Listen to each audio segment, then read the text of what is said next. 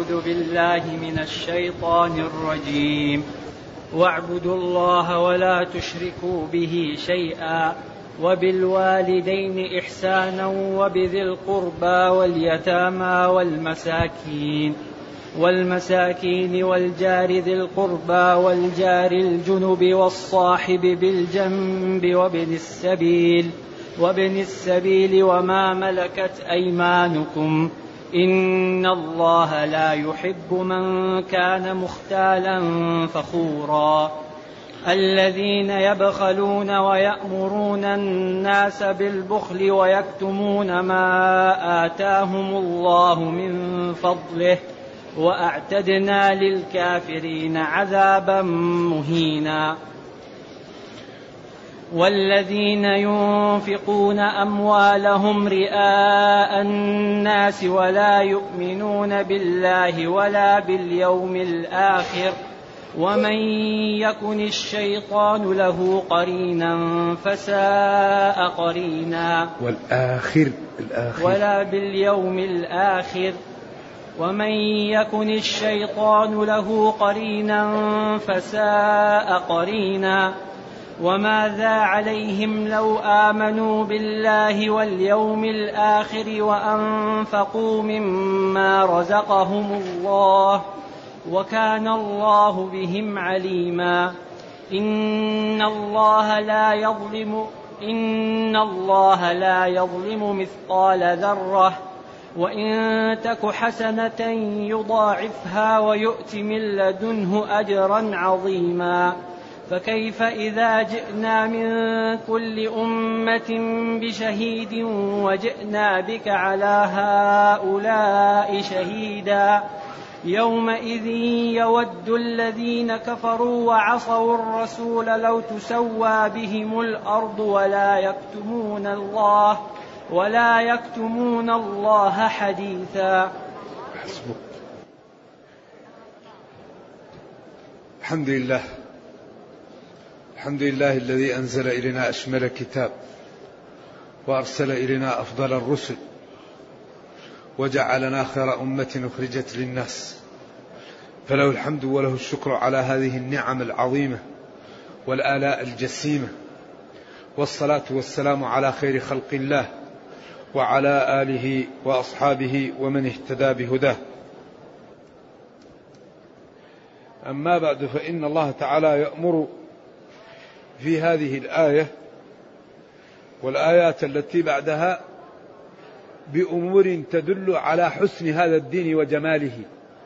فالله جل وعلا يقول واعبدوا الله واعبدوا الله. هذا فعل أمر اعبدوا. والواو للجميع والأمر للوجوب. والله هو المعبود بحق. ولا يعبد الله إلا بما شرع. اعبدوا الله. والعباده منقسمة إلى أقسام. ففي عبادة بالمال. وفي عبادة بالقلب. وفي عبادة بالبدن. وفي عبادة تحتاج للجميع. المال والقلب والبدن. اعبدوا الله وعبادة الله لا تكون إلا بالمواصفات المطلوبة من الله التي شرعها للعبد. وهذه مشكلة تعيشها الأمة وهو أن كثير من العبادات المسلم لا يعطيها الوقت ليؤديها على المواصفات المطلوبة فيكون الأجر فيها ناقصا أو معدوما نتيجة لأنه يعملها ويمارسها على غير الطريقة التي شرعها الله بها. إذا لا بد للمسلم أن يعطي وقتا ليتعلم كيف يعبد الله. الله قال اعبدوا الله. وكل عبادة لها مواصفات معينة. من شروط وأركان وواجبات وسنن وأنداب وموانع. إذا العبد إذا لم يتنبه أعماله لا يجد ثمرتها. الله يقول اعبدوا الله اعبدوا الله. الله لا يعبد إلا بما شرع. لا بد من يكون المعبود به جاء به النبي صلى الله عليه وسلم. ولا بد أن يكون العابد مخلصا. ولا بد أن يكون العابد موحدا مسلما. إذا هذه المواصفات الثلاثة إذا جاءت إن شاء الله أن العبادة يمشي حالها.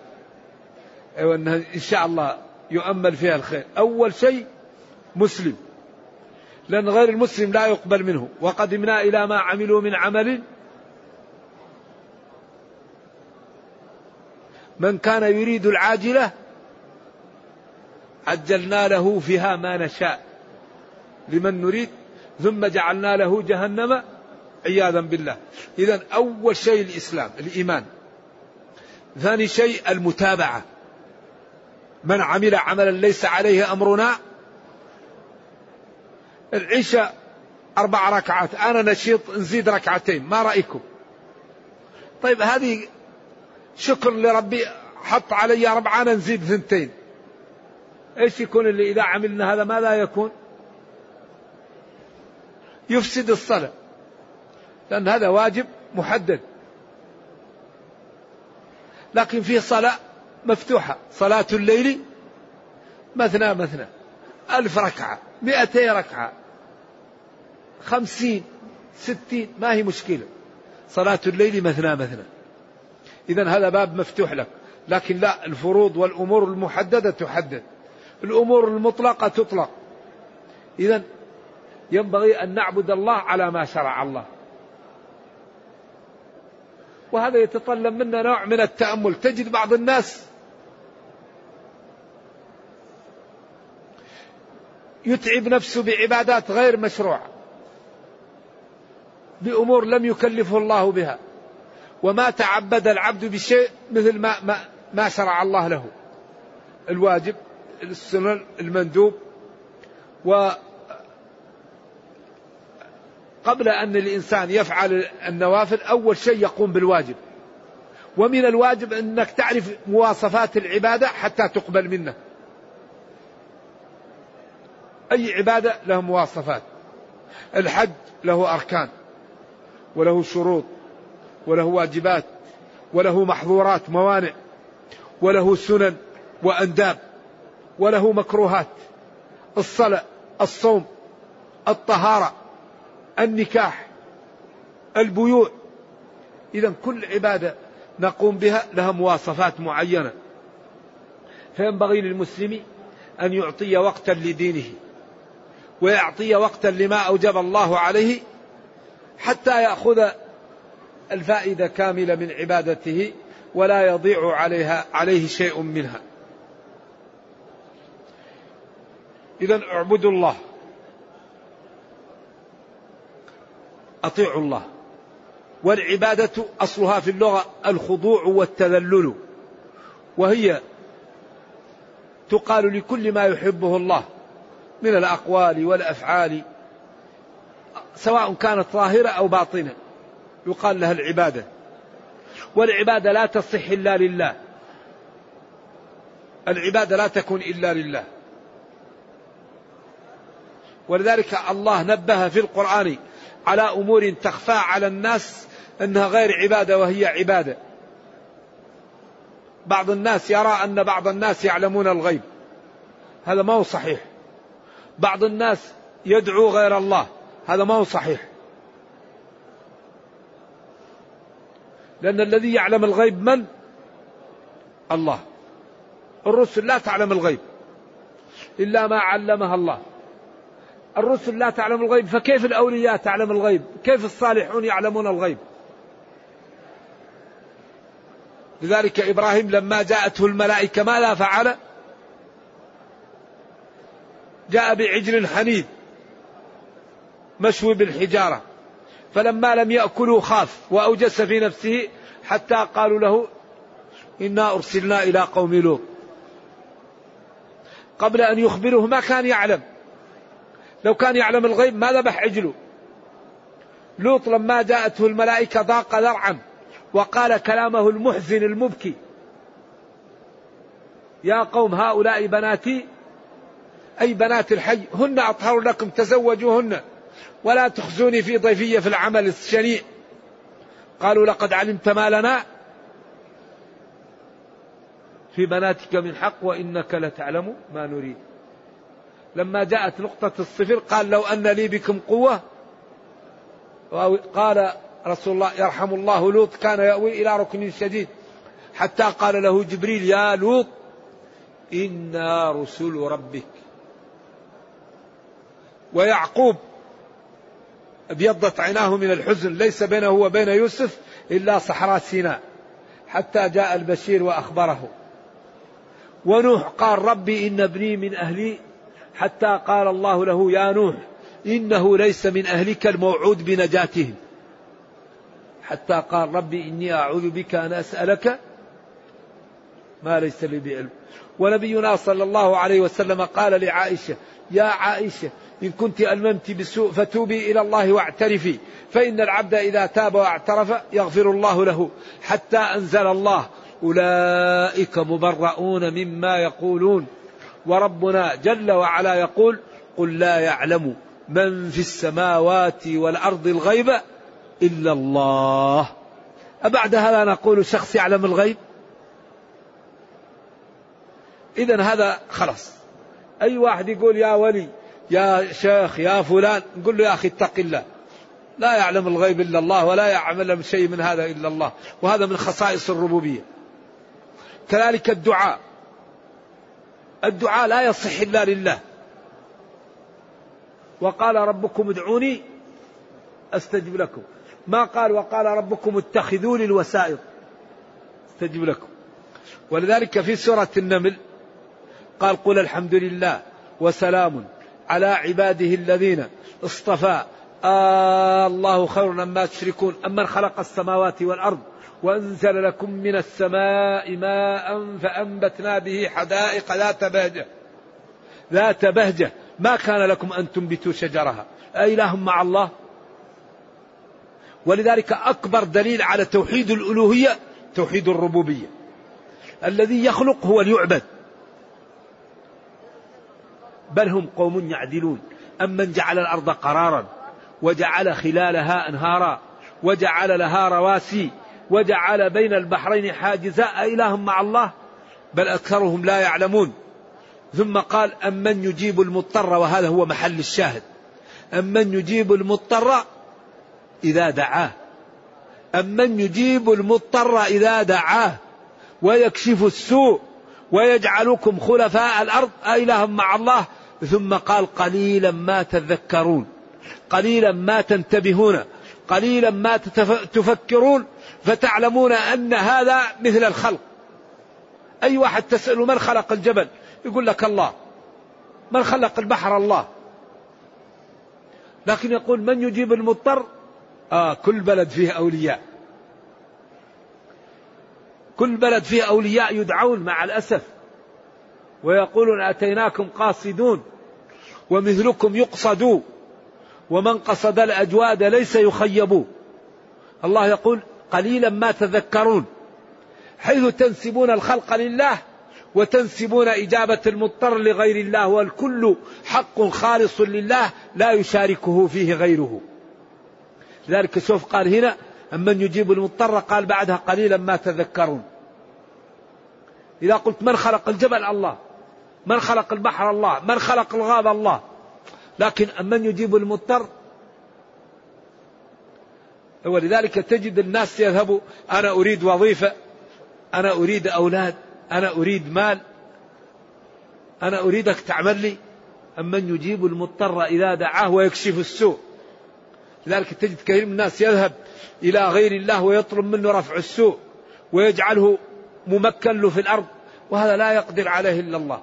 لذلك قال قليلا ما تذكرون حيث تفرقون بين هذا والكل حق خالص لله لا يشاركه فيه غيره. إذا اعبدوا الله والعبادة هي إخلاص العمل لله تعالى سواء كان هذا العمل قلبي سواء كان بدني سواء كان غير ذلك. والإخلاص لا يمكن أن يأتي إلا بالمكابدة. لا يمكن الإنسان يت... يت... إلا بالمكابدة. يعلم أن الناس عاجزون وأن الله قادر. ويعلم أن الناس لا يملكون له شيء. والله إذا أراد شيئا يقول له كن فيكون. وأنه مطلع على السرائر. وأنه إذا أطاعه عبده وسار على ما أمره به يصلح له دنياه وأخراه. فمن امتلأ قلبه بهذا هانت عليه العبادة وسهل عليه الإخلاص وابتعد عن المعاصي وابتعد عن الشيم ولذلك كل ما زاد علم الإنسان كل ما قوي خوفه من الله وإخلاصه له وعبادته له. إذا اعبدوا الله. ثم قال ولا تشركوا به شيئا. وهذا معنى لا إله إلا الله. وما أكثر لا إله إلا الله في القرآن. اعبدوا الله ولا تشركوا به شيئا. لا تشركوا بالله أي شيء مما يشرك. سواء في الخوف في الرجاء في المحبة في الدعاء في الإرادة. خلص قلبك لربك. والله كريم وقادر. وما أردته يعطيك الله إياه. ولذلك الله يقول ولا ينصرن الله من ينصره. إن الله لا يضيع أجر من أحسن عملا. من عادى لي وليا. قد آذنته بالحرب. العبد إذا كان من عبيد الله ومن الصلحاء الأتقياء هذا خطر. أي واحد يحاول أن يعمل له شيء يدمره الله. أولياء الله لا خوف عليهم ولا هم يحزنون. لكن هذا لا يكون إلا بالمكابدة. لا تأتي الولاية ويأتي هذا إلا بالمكابدة. مكابدة الطاعة مكابدة العلم مكابدة القلب السمع البصر. حتى ينمو الإيمان في قلب الإنسان فيكون من عباد الله الصالحين فإذا دعا استجيب له. وإذا ظلمه شخص انتقم له ربه. إذا ولا تشركوا به شيئا. أي شيء من الإشراك؟ لا في الدعاء لا في العبادة لا في الإخلاص لا في الطاعة. وهذا هو معنى قوله اعبدوا ربكم وقوله فلا تجعلوا لله أندادا. هذا معنى لا إله إلا الله. فمن يكفر بالطاغوت ويؤمن بالله. فالقرآن مليء بلا إله إلا الله مع أدلتها.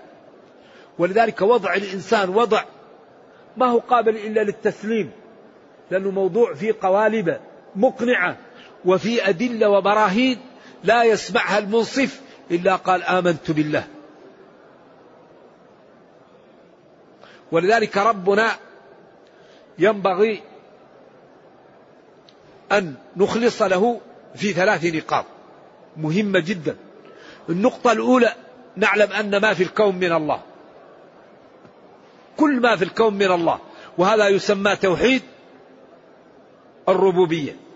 هو الذي رب الكون وأوجده. ولا تسقط ورقة إلا يعلمها. وإذا أراد شيئا أن يقول له كن فيكون. وهو المعز وهو المذل وهو المغني المفقر. يؤتي الملك من يشاء وينزع الملك ممن يشاء ويعز من يشاء ويذل من يشاء بيده الخير. إذا كل ما في الكون من الله هذا يسمى توحيد ما لا الربوبية. إذا الله هو اللي مربي الكون.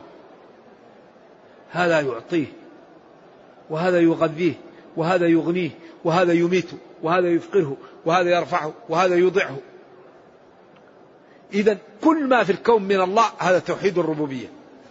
نشكر الله على توحيد الربوبية أن جميع أعمالنا نخلص فيها لله. سواء كانت قلبية كالخوف والرجاء والمحبة والكراهية أو سواء كانت عبادة كالصلاة والصوم أو سواء كانت مالية كالزكاة والصدقة وغير ذلك من أمور الخير. إذا نشكر الله بتوحيد الربوبية بأننا نخلص له في جميع أنواع العبادة ولا نشرك به أي شيء. لا شرك خفي ولا شرك علنا لا شرك في لأنه أحيانا بعض الشرك يكون شرك أصغر وهو كثير يقع للناس. إنسان يكون يريد أن يتصدق فإذا رأى الناس زاد الصدقة. إنسان يريد أن يصلي فإذا رأى الناس طول في صلاته. نرجو الله تعالى أن يسلمنا. ولذلك هذا يحتاج مكابدة حتى القلب يصفو لله. الخلق عاجزون. لا يملكون ضر ولا نفع لأنفسهم. أما الذي يملك هو الله فينبغي العبد أن يخلص لله ويتكل على الله ويرجو الله. ويقطع علائق بالناس لا يؤذي الناس ويكرم خلق الله ويكون أخلاقه طيبة لكن لا يعمل شيء لأجل الناس. يعمل لأجل الله فقط. أما النقطة الثالثة وهو توحيد الله في أسمائه وصفاته وضابطه أن نصدق الله فيما قال عن نفسه وأن ننزهه عن مشابهة خلقه وأن نقطع أفكارنا عن إدراك كيفية اتصافه بصفاته. وهذه طريق سلامة محققة لأن الله قال ليس كمثله شيء وهو السميع البصير فأثبت لي سمعي وبصري لكن لاحظ قبلي قولها ليس كمثلي شيء. ثم قال لا تدركه الأبصار ولا يحيطون به علما هل تعلم له سميا فلا تضربوا لله الأمثال. إذا هذه أقسام التوحيد الثلاثة. ثم قال وبالوالدين إحسانا. أي وأحسنوا للوالدين إحسانا. والوالدان هم اللذان كان السبب بعد الله في إيجادك. ولذلك أمر الله بالإحسان إليهما وجعل من الكبائر أن يعقهما الإنسان. فقال وبالوالدين إحسانا. وقال إما يبلغن عندك الكبار أحدهما أو كلاهما فلا تقل لهما أف ولا تنهرهما. وقل لهما قولا كريما واخفض لهما جناح الذل من الرحمة وقل رب ارحمهما كما ربياني صغيرا. ثم هدد تهديد مبطن فقال ربكم أعلم بما في نفوسكم. هذا تهديد مبطن الذي يعمل هذا لأجل الله ولخوف الله ولإعلاء ولطاعة الله غير ممن يعمله لكي لا يقال فلان عاق. ربكم أعلم بما في نفوسكم. وأحسنوا بالوالدين إحسانا ولذلك الإحسان إليهم أنهم إذا أمراك بمباح يكون واجب عليك وإذا نهاياك عن مباح يكون حرام عليك. هذا برهم أن أوامرهم ونواهيهم في غير ما هو حرام ينبغي أن تمتثلها. قال لك لا تسافر لا تسافر. قال لك أعطيني من مالك أعطيه من مالك. قال لك روح لكذا أفعل لأن هذا إحسان إليهم وعدم امتثال أمرهم والكف عن نواهيهم هذا إساءة إليهم والله قال وبالوالدين إحسانا. إلا إذا كان هناك أمراك بمعصية لا طاعة لمخلوق في معصية الخالق. لذلك لما جعل الله حقوق الوالدين بهذه القوة ركب فيهما من الشهوة ما لا يعلمه إلا الله صيانة للولد. لأنه لم يجعل في الولد هذه الشهوة وجعلها في الوالد. لذلك عوض الوالد بأن جعل حقه على الولد قوي جدا لما ركب فيه من المحبة. لذلك قال العلماء الولد ليس من الدنيا. قالوا إن محبة الولد ومتعة محبة الأولاد كنعيم الجنة. ما هي مثل أمور الدنيا؟ يعني ما يقع في القلب من من المتعة بمحبة الولد يشبه نعيم الجنة. لذلك قالوا الولد ليس من الدنيا. محبتك أنها تشبه ما يقع من المتع في الجنة. لذلك الله عوض الوالدين وأمر بالإحسان إليهما ونهى عن عقوقهما وجعل من الكبائر أن يخالف العبد أمرهما المباح أو نهيهما الجائز. ثم قال وبذي القربى. القرابة غير الوالدين من أعمام وعمات وأخوال وخالات وأبناء عموما. الإنسان يحسن إلى قرابته.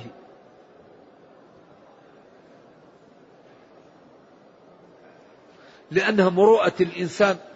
ولذلك ليس المكافئ بالمواصل وإنما الواصل الذي يصل من قطعه.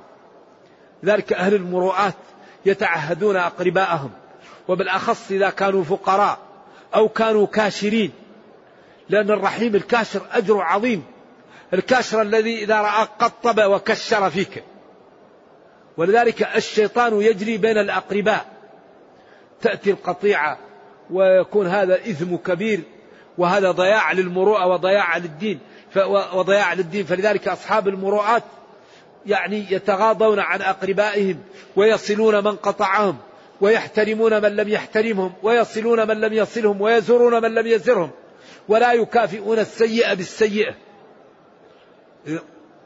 ثم قال واليتامى. وذي القربى اليتامى هو الذي فقد والديه وهو صغير.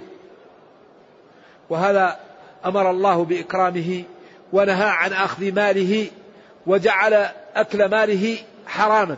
إن الذين يأكلون أموال اليتامى ظلما. انما يأكلون في بطونهم نارا. وقال وإن تخالطوهم فإخوانكم والله يعلم المفسد من المصلح. انتبهوا. لا تخالطوهم لتسرقوا أموالهم أو تنموا أموالكم بأموالهم. خالطوهم لمصلحتهم. قال فليأكل بالمعروف. من كان غنيا فليستعفف عن أموال اليتامى ومن كان فقيرا قال كبير المفسرين يقترض يأكل بالمعروف يقترض حتى يجد مالا يرد لليتيم ماله. الأكل بالمعروف هو أن تقترض من مال اليتيم إن كنت عليه حتى تجد مالا وترد له ماله. وقيل تأخذ على قدر إيش؟ تعبك. ولذلك أمر الله بإكرامهم ونهى عن قهرهم. أما اليتيم فلا تقهر. والمساكين وهم الذين لا يجدون ما يكفيهم. والمساكين والفقراء طبقة واحدة. قيل الفقير أشد حالا وقيل المسكين أشد حالا. لأن الفقير هو الذي ظهرت فقرات ظهره من شدة الجوع والمسكين هو الذي سكن ولا يستطيع أن يتحرك لأنه لا حراك له لعدم وجود شيء يتحرك به. واستدلوا أن المسكين أحسن حالا بقوله أما السفينة فكانت لمساكين.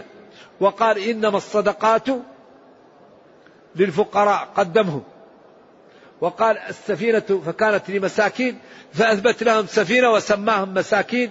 إذا حال المسكين أحسن من حال الفقير بقليل. وأصل الصدقات للفقراء. أما الآخرون فيعطى لهم لوصف عارض. أما الزكاة أصلها صدقة تؤخذ من أغنيائهم فترد على فقرائهم. أما الأمور الأخرى فهم يأخذون الزكاة لعارض. إما العامل عليها أو المسافر أو يعني الأسير أو المعتوق أو في مثلا يعني مؤلف قلوبهم هذه أمور عارضة.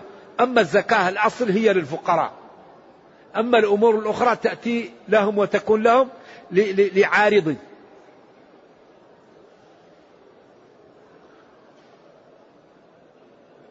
والجار ذي القربى. الجار القريب منك في الدار أو في النسب أو فيهما معا. والجار الجنب البعيد منك في الدار أو في النسب أو فيهما معا. وابن السبيل وهو الضيف أو المسافر وإن كان في بلده غنيا فإن هؤلاء نكرمهم ونرفق بهم. وما ملكت أيمانكم من, من, من, ممن خولكم الله وجعل ولايتكم عليهم. إما من أرقاء أو من عمال. استجلبتهم ليخدموك. فهؤلاء الإحسان إليهم وعدم ظلمهم متعين. وهذا يدل على جمال هذا الدين وعلى حسنه. شوف هؤلاء ضعاف المجتمع وأقرباء الإنسان. كيف الإسلام يأمر بإكرامهم وبالإحسان إليهم؟ دين دين لا, لا دين مثله. لا أحسن من هذا. وما ملكت أيمانكم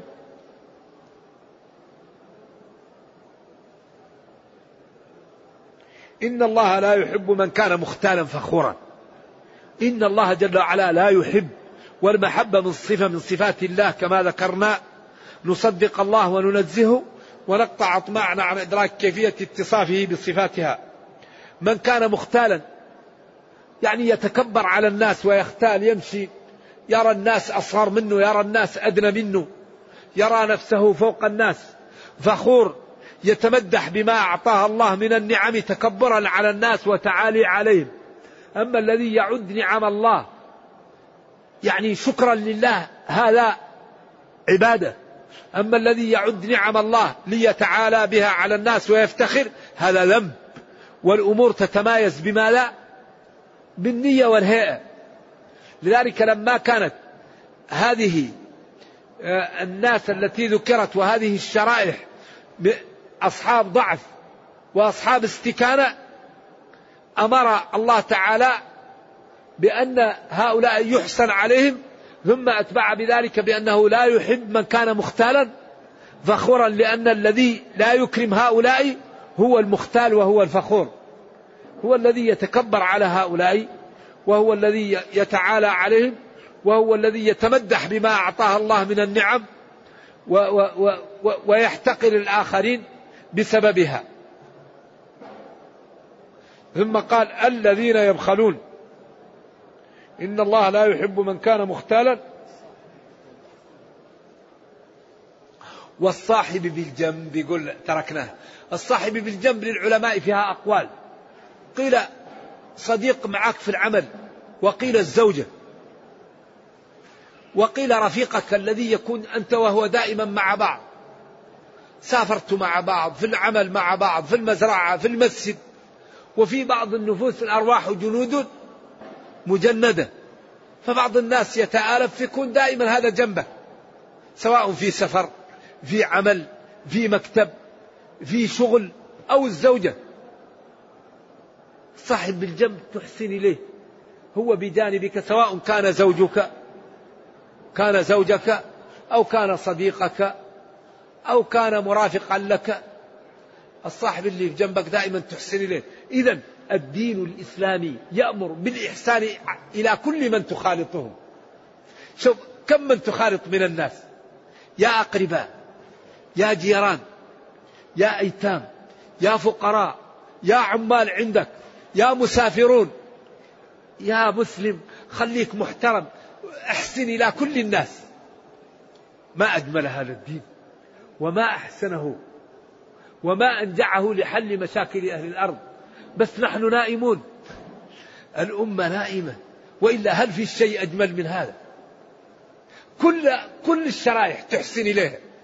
اعبدوا الله بالوالدين إحسانا ذي القربى اليتامى المساكين الجار ذي القربى الجار الجنب الصاحب بالجنب وابن السبيل وما ملكت أيمانكم. ثم نفر من الصفات التي تمنع من الإحسان وهي يكون الإنسان متكبرا يكون الإنسان فخور لأن هذه موانع من الإحسان.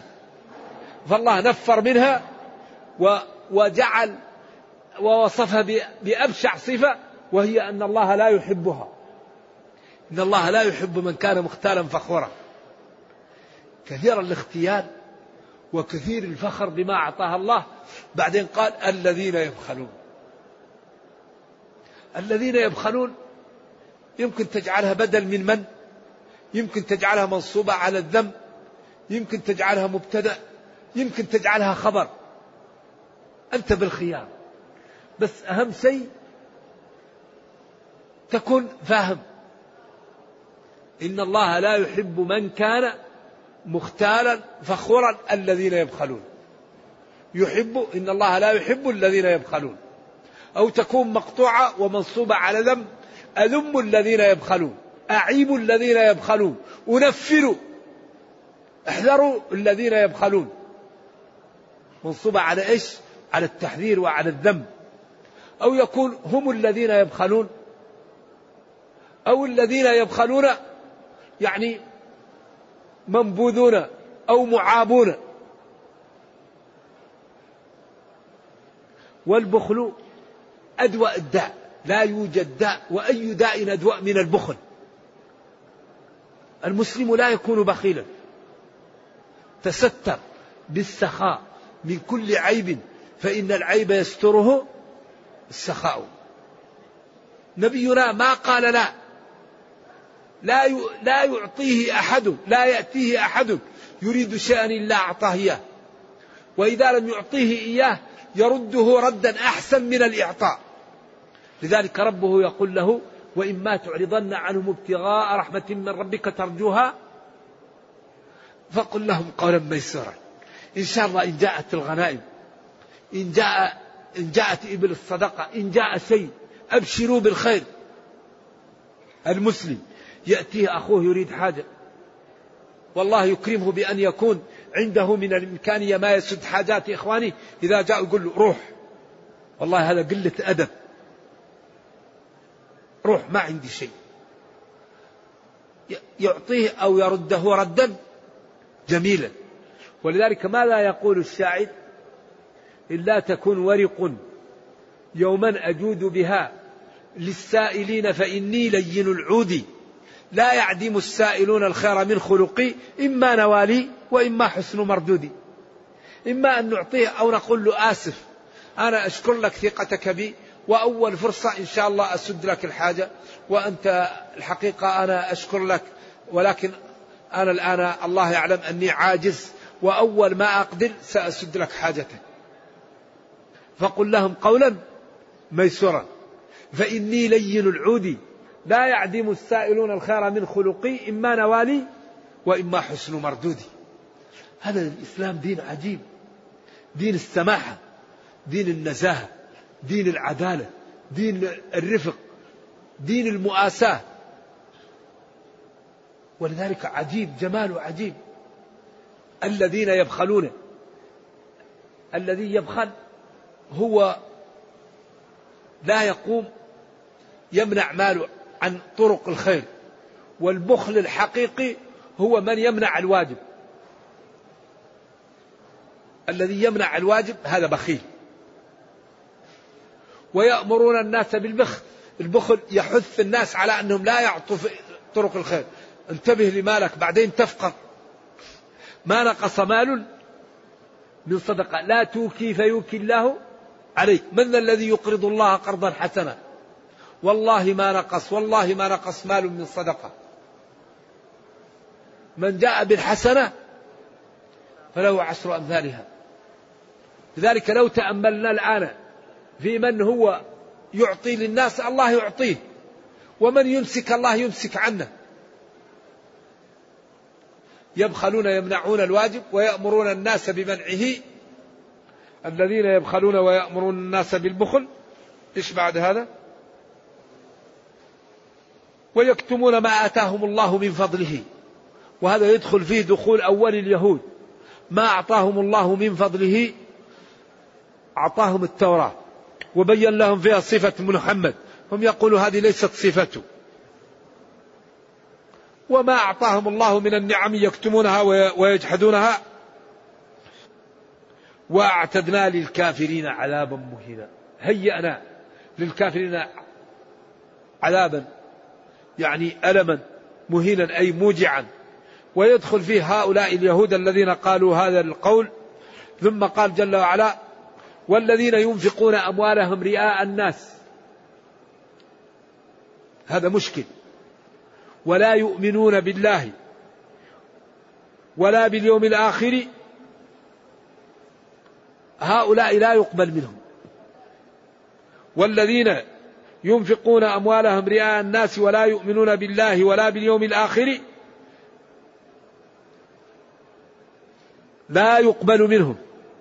وهؤلاء قرينهم الشيطان والذي قرينه الشيطان قد ضيع حياته وذم وبئس ذلك القرين وذلك المصير. إذا الموقف في غاية الخطورة. والإنسان قبل أن يفوت الأوان ينبغي أن يتنبه لأن أول من تسعر بهم النار من؟ القمم القمم. الذين لم يصدقوا. فنحن الآن لا زلنا في الدنيا. ينبغي لكل واحد أن يصدق. ينبغي لكل واحد أن يكون على بصيرة من أمره. الذي ليس لله الله لا يقبله. العبادة التي لم تشرع لا تقبل. إذا لا بد أن نعطي وقتا لنتعلم ديننا. لا بد من إعطاء الوقت لتعلم الدين. الوقت الوقت الوقت. كل شيء بالوقت. نعطي وقت حتى نعرف ما الواجب ما الحرام ما الرياء ما الإخلاص. لأن الإنسان إذا لم يتعلم يبقى الح... تبقى الأمور مظلمة ومتشابكة عليه.